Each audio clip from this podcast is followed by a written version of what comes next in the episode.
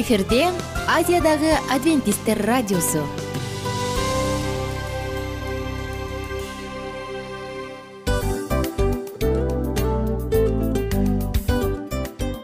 Достор салют. Баардык сүйүктүү угармандарыбызга салам айтабыз. Кутман күнүңүздөр менен. Ден соолук өмүрдүн булагы демекчи саламат саамы программасында баарыңыздарды көргөнүбүзгө абдан кубанычтабыз. Анда алгач амандашып өтөлү арбаңыздар деп. Ден соолугуңуздар кандай элибизде көбүнчө ден соолук кандай дегенде эле жакшы деп жооп беребиз э ооруп турсак дагы жакшы дейбиз. Анан мен муну айтып ойлойт элем бул абдан сонун сөз депчи анткени бул жакшы деген үмүт да ооба баары жакшы болот. Баары сонун. Деп үмүттөнүп атып эле өзүбүздү өзүбүз дарылап коебуз. Анысы кандай? Сиздин дагы ден соолугуңуз жакшы беш деген үмүттөбүз чындыгында ден соолук бул өмүрдүн булагы деп бекеринен айтылган эмес деп ойлойм. Кыргыз элинде анткени эгерде ден соолук жок болсо анда адамдын жашоосунда калган баардык керектүү маңыздуу нерселер өзүнүн баалуулугун жоготуп коет. Ошондуктан ден соолук бул эң керектүү нерсе. Ооба туура айтасың кесиптешим. Чынында ден соолугуң жок бир эки үч күн ооруп калсаң эле э кандай болуп калат? Жашоодо көз каранды болуп каласың көп нерсеге жетишпей каласың көп нерсени кыла албай каласың жада калса эшикке дүкөнгө да чыга албай каласың. Туптуура анан ден соолук болсо демек биз биздин бактыбыз тоодой деп койсок болот. Анда достор саламат саамы рубрикабызды баштайлы. Алдыда өзүңүзгө керектүү болгон сонун кеңештерди уга аласыздар. Мына ошондуктан биз менен бирге болуңуздар. Ал эми биз болсо милан жана айнура. Кеттик алга. Алга саламат саама ден соолуктун жарчысы. Саламат саама ден соолуктун ачкычы. Күн сайын сиз үчүн мыкты кеңештер сонун жаңылыктар кызыктуу фактылар биздин рубрикада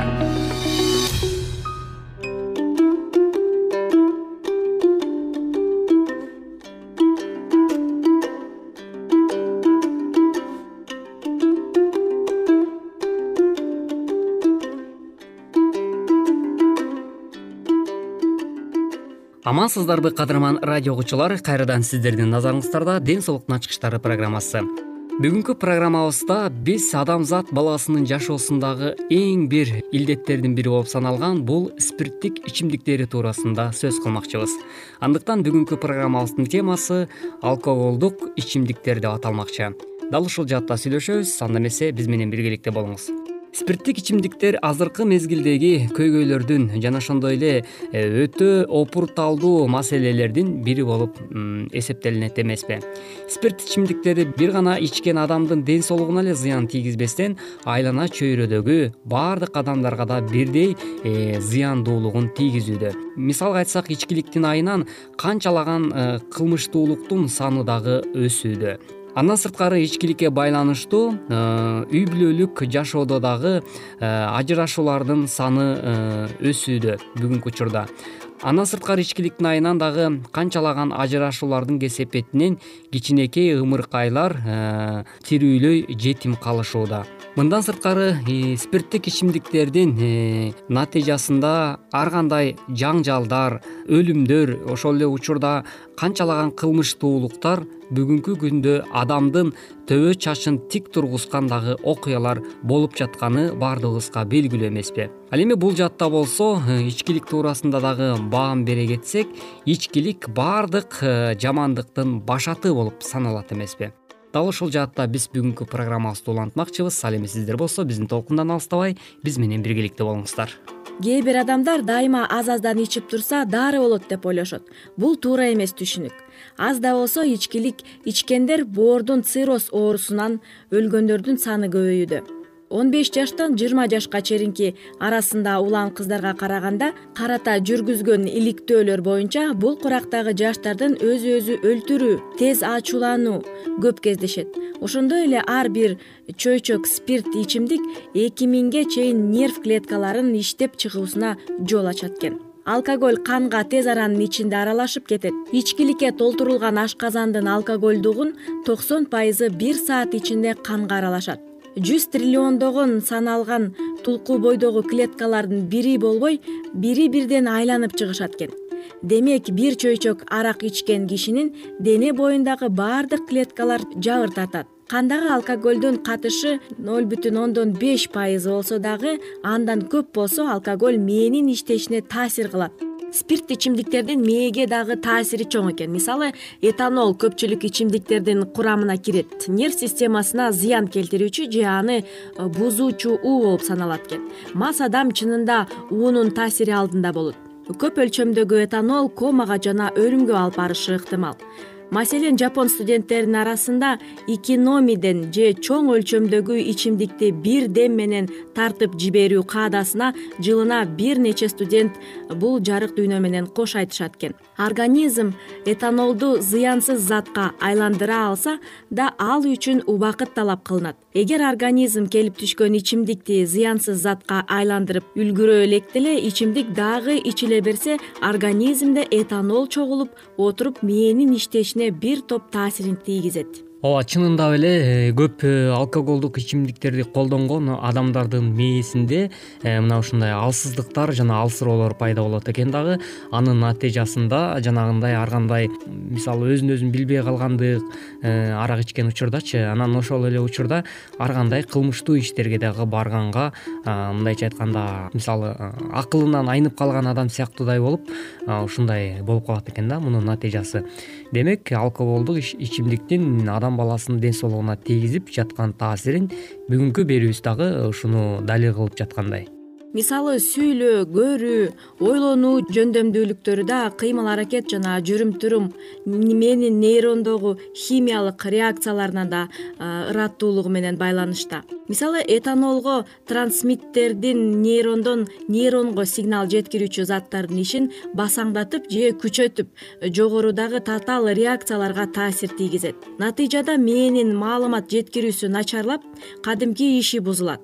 Ошондуктан көп ичкен адамдын тили булдуруктайт көзү тунарып алдынан жер көчөт кыймылы жайлайт. Ал жүрүм турумунун баамдай да албайт өзүн өзү кармай да албайт булардын баардыгы уулануунун белгилери. Ооба чындап эле э, кесиптешим айтып өткөндөй эле ичкен адамдар э, бизге баарыбызга эле белгилүү негизи эле мас адамдарды көргөндө э, темселеңдеп басып баратканын жана ошондой эле мисалы сүйлөп аткан сөзүнүн деле мындай баш аягы жок орунсуз сөздөрдү сүйлөй берет эмеспи демек мындан улам билсек болот экен ал адамдын мээси жабыркап баштаганын биз биле алат экенбиз. Качан алкоголдук ичимдикти колдонгондо ар бир эле адам ушундай абалга түшүп калат эмеспи ооба адам эгер адам ичимдиктерди узак бою ичсе анда организми эталондун уулануусуна таасири азайтууга жана нерв системасынын кадимки ишин калыбына келтирүүгө аракеттене бергендиктен мээнин биохимиялык процесстери өзгөрөт. Ошентип отуруп адам ичкиликке кынык таап алат дагы толугу менен алкоголикке айланат экен. Ооба ошентип отуруп адамдын мурунку баштапкы калыбы өтө эле бир төмөндөп кетип демек эмнеге айланып калат? Сөзсүз түрдө э, баардыгыбыз эле айтып келгендей э, баягы алкаш болуп калыптыр деген статуска дагы ээ болуп калат эмеспи. Демек мындай сөздүн өзү эле адам баласынын кулагына жагымсыз угулат. Андан дагы натыйжада ичкиликти э, байма бай иче берсе ал көтөрүмдүүлүгү да жоголуп калат экен мээ ичимдикке көнүп калгандыктан ансыз иштей албай калат да адам аракеч болуп кетет. Организм химиялык тең салмактуулукту сактоо үчүн ичкилик талап кылып калат экен. Ичкиликсиз мээнин химиялык процесстери толугу менен бузулуп ичкиликти таштоодо сезүүчү оору белгилери мисалы тынчсыздануу калчылдоо талма пайда болот экен мына ардактуу угармандар бүгүнкү э, программабыздын чыгарылышында дагы сиздер э, арактын адам баласынын ден соолугуна тийгизген өтө олуттуу таасири туурасында уга алдыңыздар. Кийинки берүүдөн кезиккенче жалпыңыздарга ден соолук каалап бүгүнкү программабыздын көшөгөсүн жапмакчыбыз. Эмки берүүбүздөн кезиккенче сак саламатта калыңыз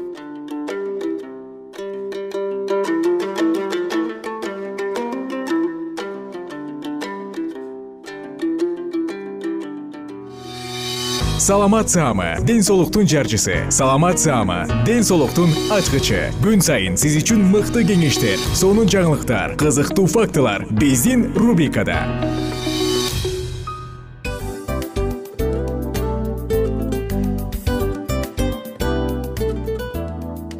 Салют замандаштар баарыңыздарга ысык салам дил маек программабызга кош келиңиздер. Дил маек рубрикасы дегенде эле бул эмне болгон дил маек? Ким менен маектешебиз деп сурайт болуш керек угармандарыбыз.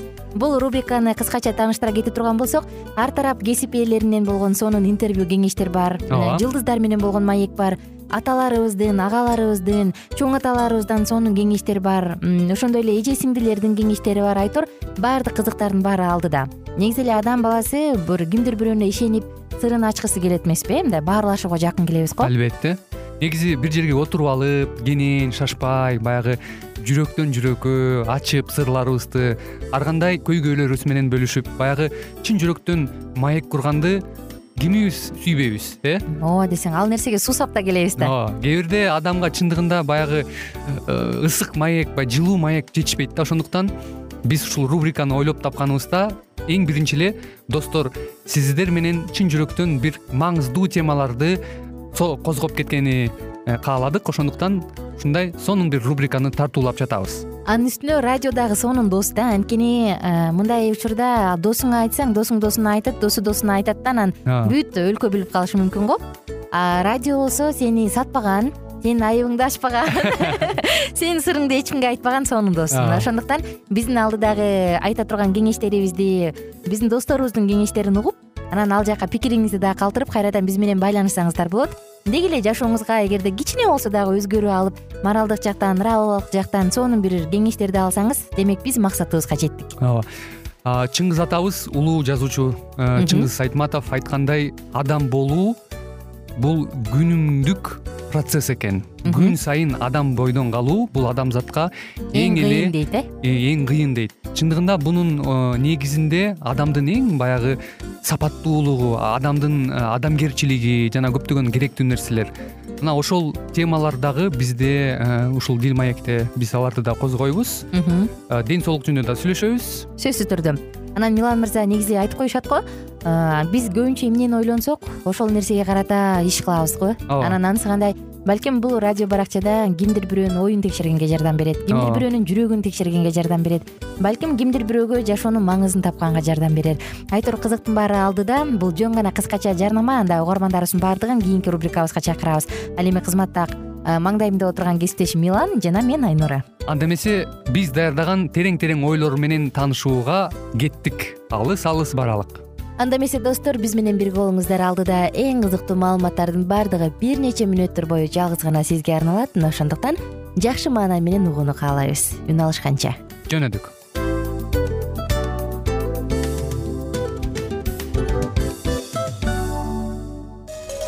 Ар түрдүү ардактуу кесип ээлеринен алтын сөздөр жүрөк ачышкан сыр чачышкан сонун маек дил маек рубрикасында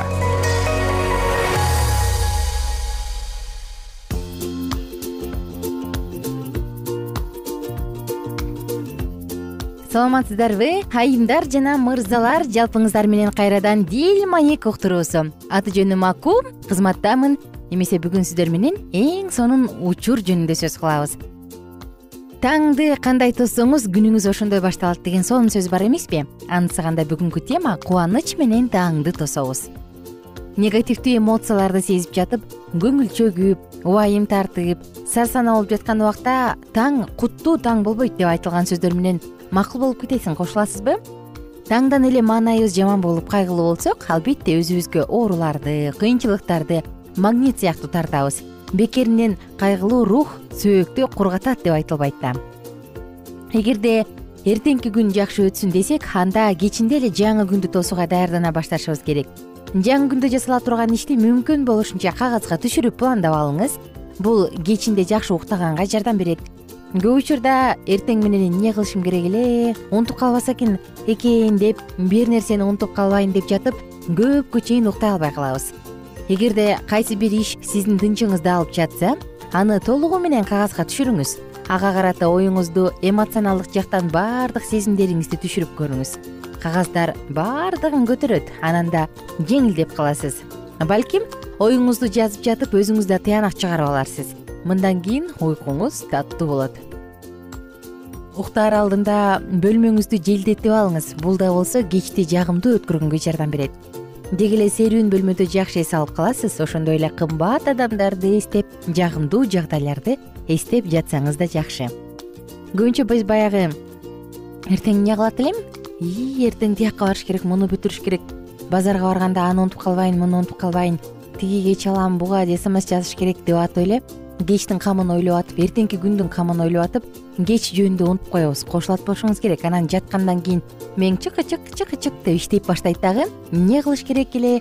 Эмнени кылыш керек эле? ошонун баарын пландап отуруп уйкубуз качат түн жарымы болуп кетет мына ошондуктан эгерде эртеңки күнгө карата маанилүү иш болсо чындыгында аны кагазга түшүрүп койгонуңуз оң анткени кагаз баарын көтөрөт.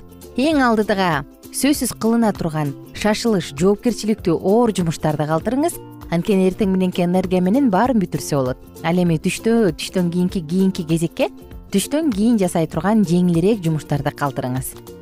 Эми жумуштун баарын жаздык уктаар алдында бөлмөнү желдеттик уктадык. Түнүбүз бейпил болсун ойгончу учур.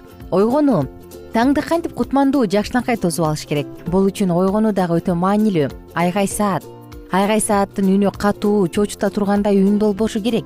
Ырас азыр техника дагы укмуш өнүккөн кошуласыз э?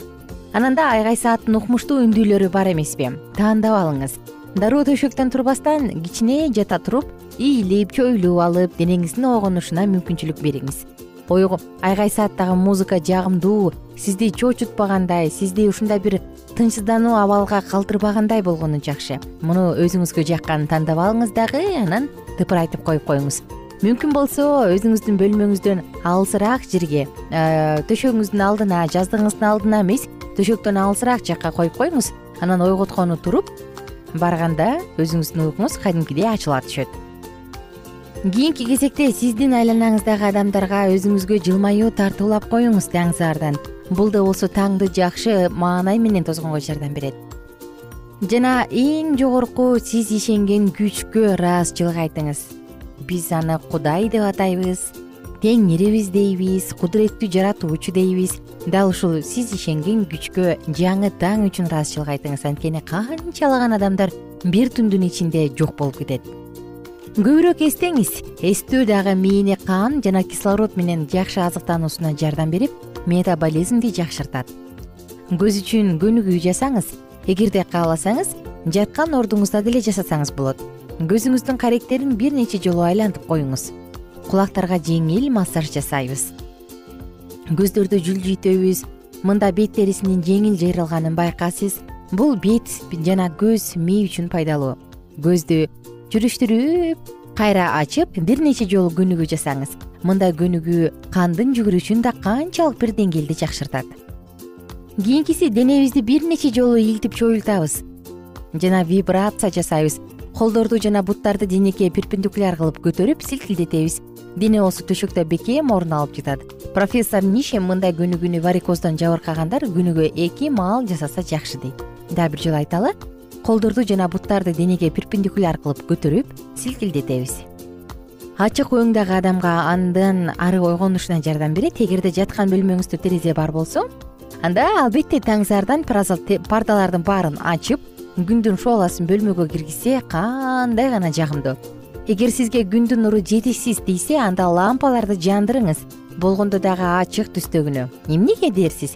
Биздин организм уктап жатканда мелатонин гормонун бөлүп чыгарат. Ал эми ачык түстөгү өңдөр аны токтотконго жардам берет. Өзгөчө күздө жана кышта мелатонин ойгонгондон кийин да бөлүнүп чыга берет. Көпкө чейин уйкусурап оңой менен сергей албай калгандын себеби ушул кышкысын күндүн нуру жетишсизирээк болгонундан себептен улам. Жана да достор эртең менен бир эле стакан суу жакшы. Мүмкүн болсо массаж жасоочу атайын килемчилер бар болсо толугу менен ойгонгонго жардам берет. Анын үстүнө тиш жууп жуунуп жатканыбызда туруп алсаңыз сонун.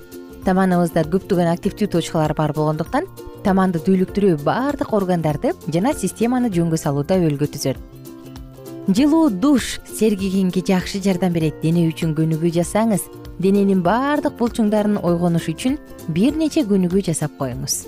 Жана албетте эртең мененки тамак. Достор ушул кичинекей кеңештердин баардыгын эске алуу менен бирге эртең мененки таңды кубаныч менен тоссоңуз болот. Эгер таңды кубаныч менен тосуп алсаңыз күнүңүз ошого жараша шаңдуу көңүлдүү өтөт.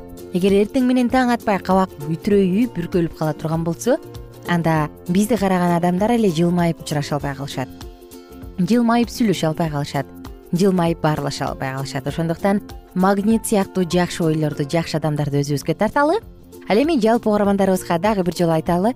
Таңды кандай тоссоңуз күнүңүз ошого жараша уланат таң дайыма кубаныч менен тосулсун. Бар болуңуздар аман болуңуздар кайрадан сиздер менен саламдашканча күнүңүздөр көңүлдүү улансын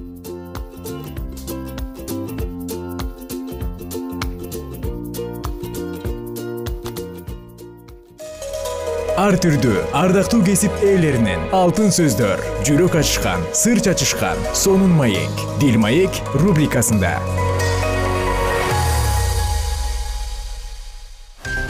Жан дүйнөңдү байыткан жүрөгүңдү азыктанткан жашооңо маңыз тартуулаган жан азык рубрикасы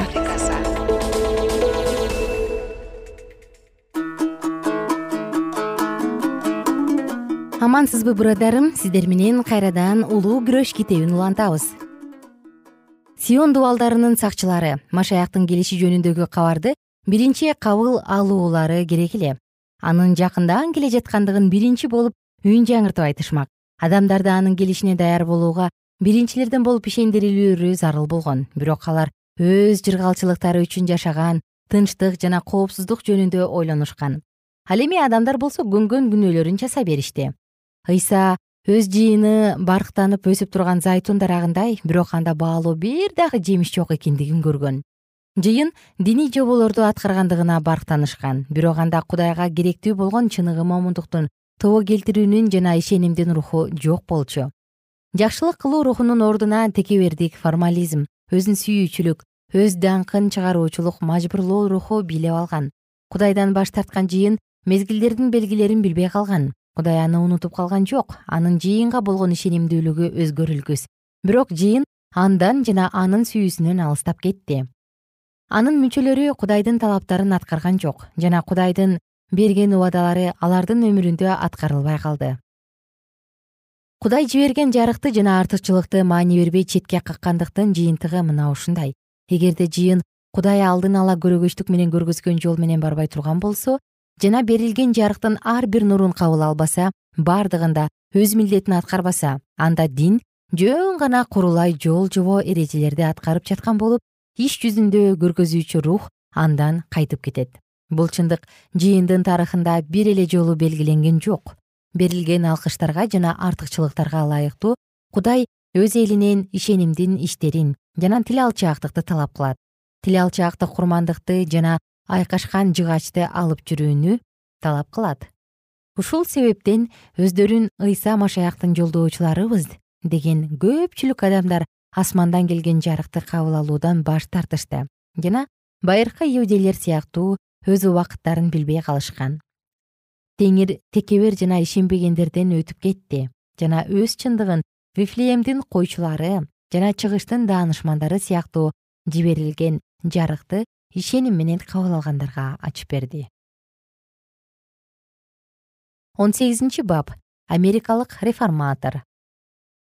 Уильям миллер жөнөкөй жана ак ниет фермер болгон. Ыйык жазуулардын кудайдан шыктандырылгандыгынан күмөн санап бир кездерде чындык жөнүндө кабар алууну чын ниетинен каалаган. Жана ал кудай аркылуу теңирдин экинчи келишин насааттагандардын бири болуп калды.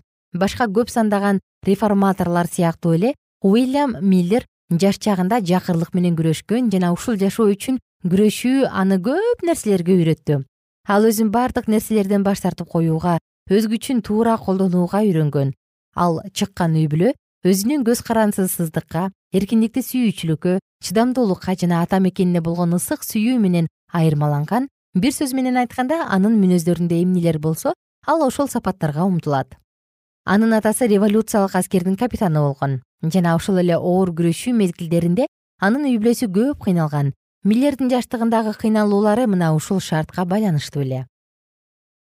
Уильям миллер дене жагынан дагы чымыр болуп жана жаш кезинен эле болуп көрбөгөндөй акыл жөндөмдүүлүгүнө ээ болгон. Бул сапаттар бала чоңойгон сайын көзгө көрүнө берди. Анда тирүү дээр өсүүчү акыл болгондуктан билим алууну өтө самаган. Бирок ага университеттик билим алууга бактысында буйрулбагандыгы менен билимге болгон сүйүү бир нерсени толук айтып берүү жана ар кандай кырдаалдарда сын көз менен ойлонуулары терең ойлонгон адамдардын катарына аны кошуп турган.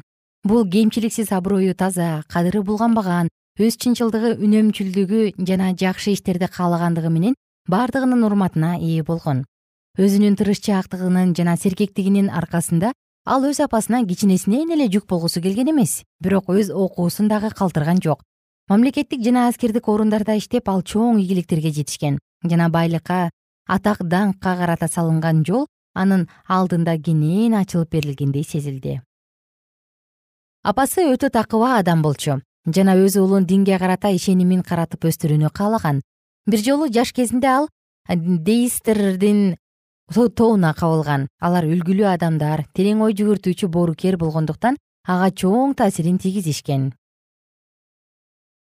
алар жашаган христиандардын чөйрөсү алардын адеп ахлагына жакшы таасир калтырган адамдардын сый урматына ээ болгон өздөрүнүн жакшы сапаттары менен алар мукадаска карыздар болушкан. Бирок жасаган жакшы иштери ушунчалык бузулгандыктан бул адамдар айланасындагыларга ыйык жазууларга карама каршы таасир калтырышкан. Алар менен баарлашкандыктан миллер эрксизден алардын көз караштарын кабыл алган. Ал кездеги ыйык жазуулардын түшүндүрмөлөрү көптөгөн кыйынчылыктарды туудургандыктан ал нерселерди түшүнүү ага мүмкүн эмес сыяктуу сезилген. Ага кошулуп анын мукадаска тиешеси жок жаңы ишеними ага эч кандай жардам бербеди жана ал бул окутууларга канааттанган жок. Ошого карабастан ал бул көз караштарда он эки жыл убакыт карманып келди. Ыйык рухтун жардамы менен өзүнүн күнөөкөр экендигин сезгенде отуз төрт жашка чыккан эле. Анын дини ага өлгөндөн кийин бактылуу өмүр убада кылган эмес. Келечек ал үчүн туңгуюк жана жашыруун болду кийинчерээк өзүнүн кайгылары жөнүндө эскерип мындай дейт. Өлүм жөнүндөгү ой санаа менин денемди тааманыман өйдө муздатып калдырак бастырган. Коркунучтуу сот күнүндө эч бир адам акталбастан баары өлүмгө кабыла турган сыяктуу мага сезилген. Асман мен үчүн жез жана менин бут алдымдагы жер мага темир болду. Түбөлүк бул өзү эмне? Өлүм эмнеге керек? Мен канчалык ой жүгүртсөм ошончолук жооптон алыстадым мен канчалык ойлонсом ошончолук менин чыгарган тыянактарымдын ирети болбоду? Мен бул нерселер жөнүндө ойлонбой эле коеюн деп аракеттендим бирок буга менин күчүм жеткен жок. Менин аянычтуу абалда калдым бирок мендеги болуп жаткан нерселердин себебин түшүнбөдүм. Мен зарландым. Жана арыздандым бирок кимге экендигимди билген жокмун? Бул жерде баардыгы башкача экендигин билип турдум. Кантип жана кайдан чындыкты табуу керектигин билбедим. Менин ындыным өчүп үмүттөн кайттым айымдар жана мырзалар сиздер менен китептин уландысын кийинки уктурууда бирге улантабыз.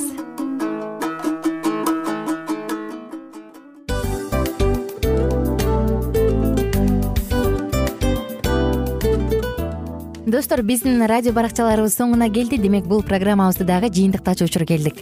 Учурга келдик. Анан кесиптешимден сурагым келип турат. Негизи эле иштин башталып атканы кубандырабы сени же жыйынтыгы кубандырабы албетте жыйынтыгы. Себеп дегенде сен кылган ишиңдин жыйынтыгын көрүп э, баягы мөмөсүн көрүп дегендей жыргайсың жүрөгүң жемишинен тартып э кандай даамдуу деп. Баягы буудай сепкенде эмес буудайдын эгинди жыйнагандан кийин ысык нанды жегенде кадимкидей ырахаттанасың го. Ой айтпа туура айта кеттиң сонун салыштыруу болду анан мен дагы абдан кубанып турам. Анткени биз угармандарыбыз үчүн аябай эмгектенип келген уктуруубуздун соңуна келип калдык. Анан эми э, уктуруубуздун соңунда угармандар кандай пайда алып калды экен деп күтүп турам да. Балким э, менин жашоомо өзгөрүү киргизе турган сонун сөздөр болду. Мен ушул нерсени изилдеп анан кабыл албасам ушул нерсени кылбасам деген чечим чыгарсаңыз анда биз абдан кубанычтабыз. Сөзсүз түрдө. Андыктан кийинки биздин кызыктуу уктурууларыбыздан көрүшкөнчө сак саламатта калыңыздар. Чыдамсыздык менен сиздерди мен милан жана кесиптешим айнура күтөбүз баардык угармандарыбызга ийгиликтүү күн каалайбыз. Качан гана болбосун уртуңуздан жылмаюу кетпесин үйүңүздө көмүр жүрөгүңүздө көңүл болсун дейли